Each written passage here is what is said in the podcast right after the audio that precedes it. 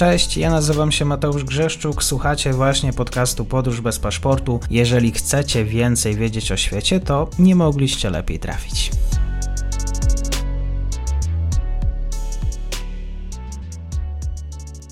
Dzień dobry Państwu, dzień dobry wszystkim słuchaczom. Ze mną jest dzisiaj Arkadiusz Legieć, ekspert do spraw Azji Centralnej, do spraw Kaukazu.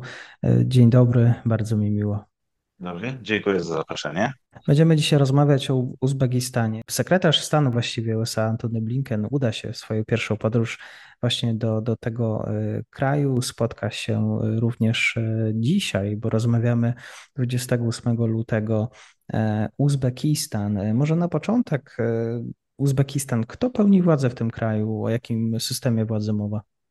Bardzo dobre pytanie, żeby zacząć rozmowę o Uzbekistanie żeby sobie w jakiś sposób zarysować, o jakim państwie w ogóle mówimy. No bo oczywiście sytuacja w Uzbekistanie, jego polityka, jego, jego polityka zagraniczna, to wszystko jest determinowane przez autorytarny system rządów, z jakim mamy do czynienia w tym kraju.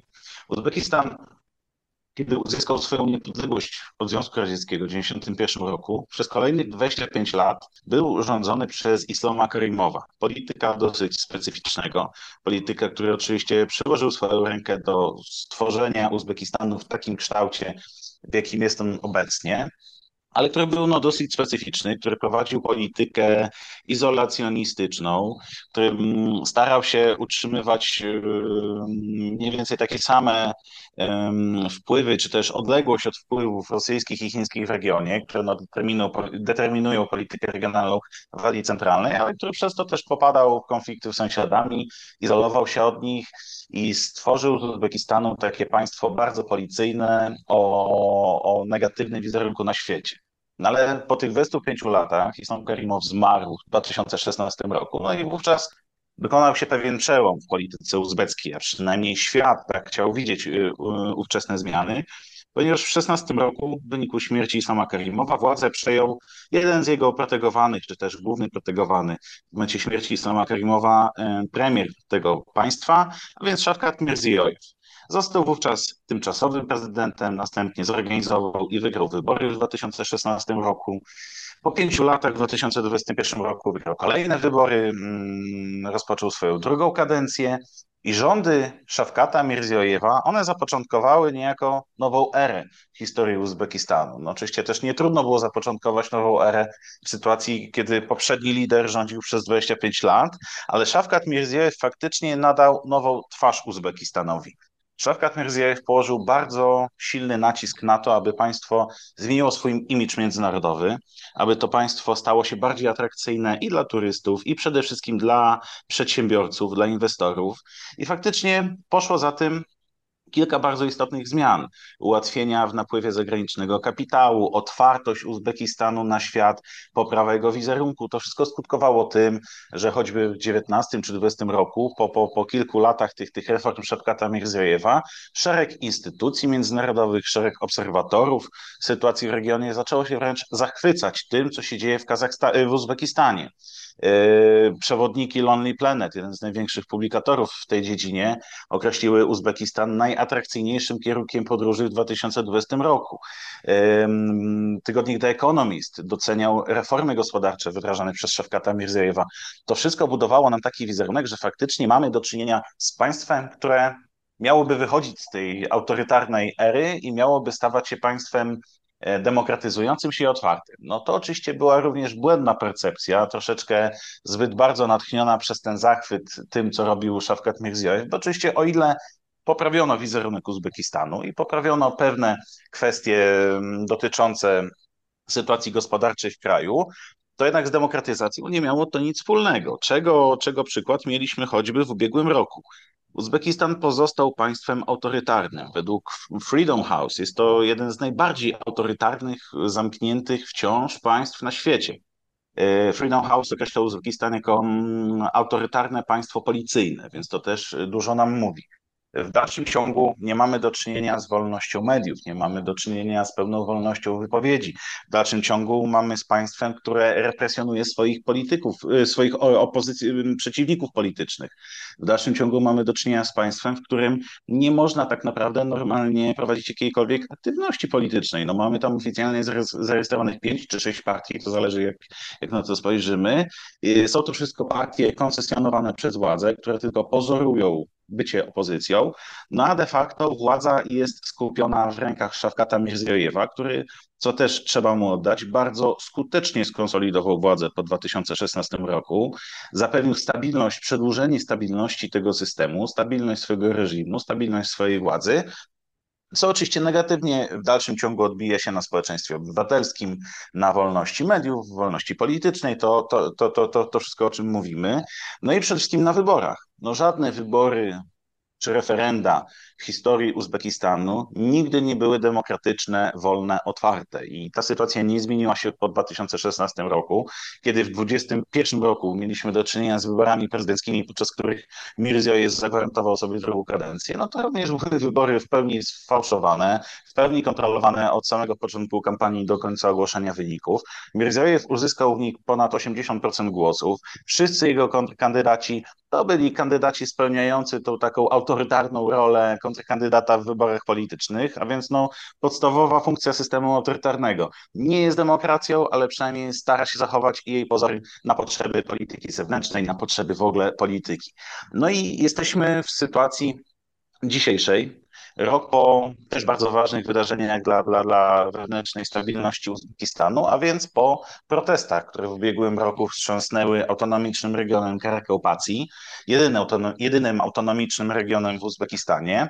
Były one związane również no, z tym autorytarnym charakterem władzy. Szawkat Mirziyoyev w zeszłym roku y, rozpoczął ogólnokrajową debatę na temat reform konstytucyjnych i oczywiście pod pozorem konieczności zagwarantowania większych praw obywatelom, czy poprawienia właśnie działalności gospodarczej w Uzbekistanie, czy też uporządkowania pewnych spraw regionalnych, Szawkat Mirziojew w rzeczywistości chciał poczynić pierwsze przygotowania do tego, aby zapewnić sobie utrzymanie władzy po 2000 2026 roku, a więc po roku, kiedy dobiegnie końca jego druga kadencja, a zgodnie z konstytucją prezydent może sprawować władzę właśnie przez dwie kadencje.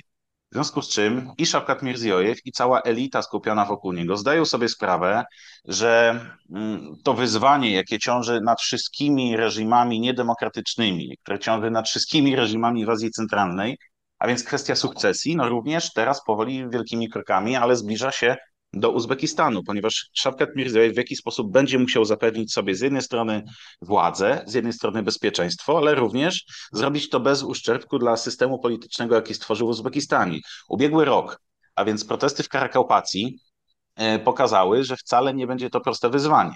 Aczkolwiek też Szawkat Mirziyoyew póki co mm, zdążył nam zademonstrować, że jest politykiem sprawnym, który jednak w tych wszystkich niuansach polityki autorytarnej, no w miarę dobrze daje sobie radę. Bo przypomnijmy sobie, co było ideą ubiegłorocznych protestów.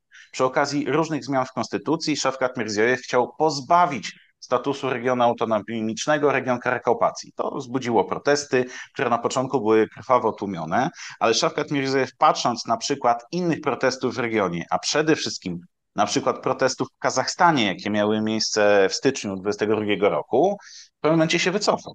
Wycofał się z proponowanych zmian, y, zaprzestał może nie, nie zaprzestał, ale ograniczył e, brutalne represje wobec osób odpowiedzialnych za te protesty, wobec manifestantów na ulicach i na pewien mm, czas zawiesił proponowane zmiany. Teraz mamy do czynienia z sytuacją, w której ponownie no, mm, konieczność zmian w konstytucji i przygotowania gruntu pod 2026 rok ponownie powraca i Szokat Mirziojew ponownie mówi o konieczności reformy konstytucyjnej, która oczywiście nie będzie już w taki sposób dotykała regionu Karkopacji jak w ubiegłym roku, po to, by uniknąć takich problemów, jakie, jakie to państwo miało w ubiegłym roku z protestami, no ale z całą pewnością kwestia sukcesji władzy w Uzbekistanie i związana z tym konieczność dostosowania systemu politycznego pod ten moment, no na pewno będzie w najbliższych latach i ciążyła, i determinowała sytuację wewnętrzną i, i stabilność w ogóle reżimu w Uzbekistanie. Nie zmienia to jednak faktu, że Uzbekistan jest niezwykle ciekawym i ważnym państwem w regionie i to,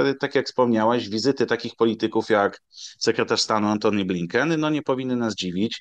Również jego poprzednik za, za prezydentury Donalda Trumpa w Stanach Zjednoczonych, a więc Mike Pompeo, również poświęcał bardzo dużą uwagę w Uzbekistanie, również złożył tam wizytę, co pokazuje nam, że z pewnych czynników, które już niekoniecznie są wewnętrzne, ale bardziej regionalne, no Uzbekistan przyciąga naszą uwagę i na pewno dalej będzie ją przyciągał. Ale dlaczego właściwie? Dlaczego akurat ten kraj jest tak ważny e, na orbicie? I drugie pytanie, e, to może w drugiej części, właściwie czego chcieliby sami obywatele tego kraju właśnie otwarcia na zachód? O ile przez 25 lat rządów Karimowa Uzbekistan był państwem ograniczającym swoją aktywność międzynarodową, trzymającym się z dala od różnych bloków integracyjnych. Co prawda Uzbekistan dwukrotnie przystępował i występował z Organizacji Układu o Bezpieczeństwie Zbiorowym kierowanej przez Rosję, no jednak jego takim motywem przewodnim jego polityki zagranicznej stało się niezaangażowanie. I kiedy w 2016 roku Mirzejew przejął władzę, trzymał tego typu priorytety w polityce zagranicznej, mówiący o tym, że w sferze bezpieczeństwa Uzbekistan nie będzie wikłał się w sojusze militarne z innymi państwami, nie będzie przyjmował żadnych wojsk na swoje terytorium, ani swoich wojsk nie będzie wysyłał na żadne inne terytorium. To jest dość jasna wykładnia jak Uzbekistan chce kierować swoją rolę w regionie. No, ale jednocześnie Mirziejew zrobił to, czego Karimow przez lata nie robił, a więc aktywizował swoją rolę polityczną, ekonomiczną w regionie. Uzbekistan bardzo szybko, także przy współpracy z Kazachstanem, stał się państwem mm, inicjującym współpracę regionalną w Azji Centralnej, inicjującym takie szczyty państw regionu bez udziału Rosji, bez udziału Chin, które miały w lepszym stopniu pozycjonować region mm, w relacjach z tymi mocarstwami regionalnymi jak Rosja i Chiny. To jasno pokazało, że Uzbekistan nie będzie już państwem tak zamkniętym, hermetycznym i nieaktywnym, że Uzbekistan chce odgrywać pozytywną rolę w regionie. W takim stopniu się udaje. Mm, jednym z największych takich sukcesów, czy takich mierzalnych efektów tej polityki jest zaangażowanie Uzbekistanu w delimitację, demarkację granic w Azji Centralnej, ponieważ no, te państwa, pomimo już ponad 300 lat swojej niepodległości, dotychczas nie mają wytyczonych granic w terenie, co, co przez lata było źródłem różnych konfliktów, a Uzbekistan no, no, mm, naprawdę w ostatnich latach włożył bardzo dużo wysiłków, szczególnie w relacjach z Kirgistanem, ale także Tadżykistanem, aby te problemy rozwiązywać. No, ale to był tylko pewien mały przykład obrazujący nam rolę Uzbekistanu która faktycznie jest bardzo duża w regionie, ponieważ mówimy o państwie najbardziej licznym, jeżeli chodzi o, jeżeli chodzi o jego populację, ponieważ no, populacja Uzbeków to jest ponad 30 milionów, z czego mniej więcej połowa tej liczby to są osoby pomiędzy 20 a 50 rokiem życia. Więc to nam pokazuje, jaka eksplozja demograficzna dokonała się w tym kraju na przestrzeni ostatniego jednego czy dwóch pokoleń. Uzbekistan jest państwem również ważnym z uwagi na jego położenie geograficzne. Ja, ja nie, nie, nie, nie, nie, nie lubię zazwyczaj tych, tych łatek geopolitycznych, geostrategicznych, no ale w przypadku Uzbekistanu no, faktycznie trudno się nim nie posłużyć, no bo mówimy o państwie, które jest położone niejako w sercu Azji Centralnej, a idąc szerzej, no w zasadzie w, cen, w centrum Eurazji.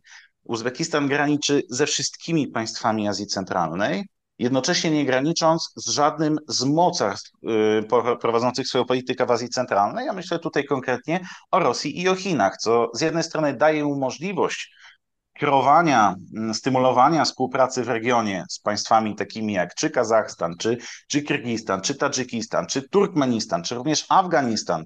Mm, Uzbekistan przez lata był aktorem bardzo ważnym, jeżeli chodziło o cały proces pokojowy w Afganistanie do 2021 roku, a po 2021 roku państwem, które również odgrywało swoją rolę w relacjach z nowym reżimem talibów w Afganistanie.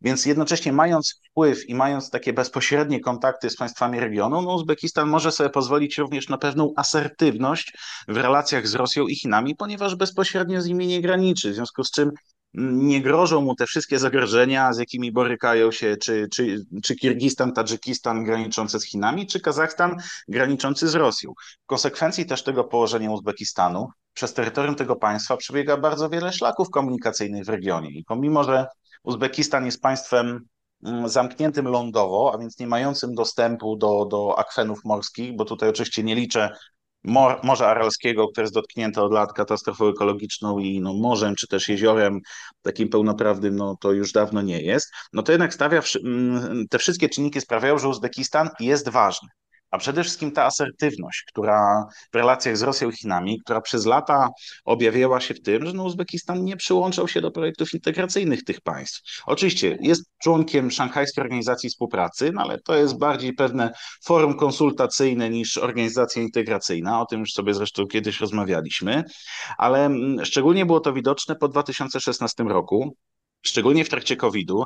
Ja pamiętam wtedy cały wysyp analiz, opinii, wypowiedzi różnych ekspertów, którzy zapowiadali, że Uzbekistan zamierza przyłączyć się do Eurazjatyckiej Unii Gospodarczej kierowanej, rozwijanej przez Rosję. Ja no, mogę tutaj z czystym sumieniem powiedzieć, że przez cały ten okres yy, prognozowałem, że tak się nie stanie, że byłoby to niezgodne z doktryną polityki zagranicznej przyjętą przez Uzbekistan, byłoby to niezgodne z interesami tego państwa, tym jak on sam je definiuje i tym, jak on sam chce ich bronić. I tak się oczywiście nie stało. Teraz oczywiście sytuacja związana z wojną na Ukrainie dodatkowo pokazuje nam, że w sytuacji, kiedy pewna asertywność i wolność w podejmowaniu decyzji przez państwa regionu jest szersza niż wcześniej, no to, no to ta polityka Uzbekistanu jest tym łatwiejsza do realizacji przez Uzbekistan i jest tym bardziej inspiracją też dla innych państw. Ale z racji, że Uzbekistan był i jest państwem ważnym dla współpracy regionalnej w Azji Centralnej, ale również był państwem, który będącym pewną zaporą dla integracyjnych projektów Rosji, ponieważ no, Rosja od zawsze miała, znaczy przepraszam, nie od zawsze, od lat 90., od momentu, kiedy rozpadł się Związek Radziecki, Rosja miała zawsze na celu reintegrację obszaru postsowieckiego, która była niemożliwa bez reintegracji Azji Centralnej, a reintegracja Azji Centralnej była niemożliwa bez udziału Uzbekistanu, a Uzbekistan zawsze twardo tego typu projektom się przeciwstawiał co od zawsze tworzyło pewną możliwość współpracy z perspektywy europejskiej czy amerykańskiej. Jeżeli mieliśmy do czynienia z państwem e, poważnym ludnościowo, bardzo dużym, istotnym, państwem mimo wszystko stabilnym i pomimo tych wszystkich problemów z autorytarnym systemem władzy, z wizerunkiem, e, z nieprzestrzeganiem praw człowieka itd., tak itd., tak no to jednak z uwagi na problemy regionalne, jakie czy dla Unii Europejskiej, czy dla Stanów Zjednoczonych przez te wszystkie lata były ważne. I tutaj oczywiście można zacząć od kwestii afgańskiej, ale powiedzieć również o zagrożeniu terrorystycznym, czy kwestiach y, migracyjnych z tego regionu i potencjale jego oddziaływania na, na Europę, no to zawsze spoglądając w kierunku regionu, Uzbekistan jawił się jako atrakcyjny kierunek współpracy. I Uzbekistan również był zainteresowany podtrzymywaniem czy rozwijaniem tego typu współpracy z, ze Stanami Zjednoczonymi i Europą, które wszystko poziom tej współpracy nigdy nie przekroczył pewnego istotnego poziomu. To zawsze było więcej deklaracji niż, niż, niż faktycznej współpracy, no bo jednak ograniczenia dla tej współpracy były równie poważne jak, jak, jak że tak powiem, jej potencjał.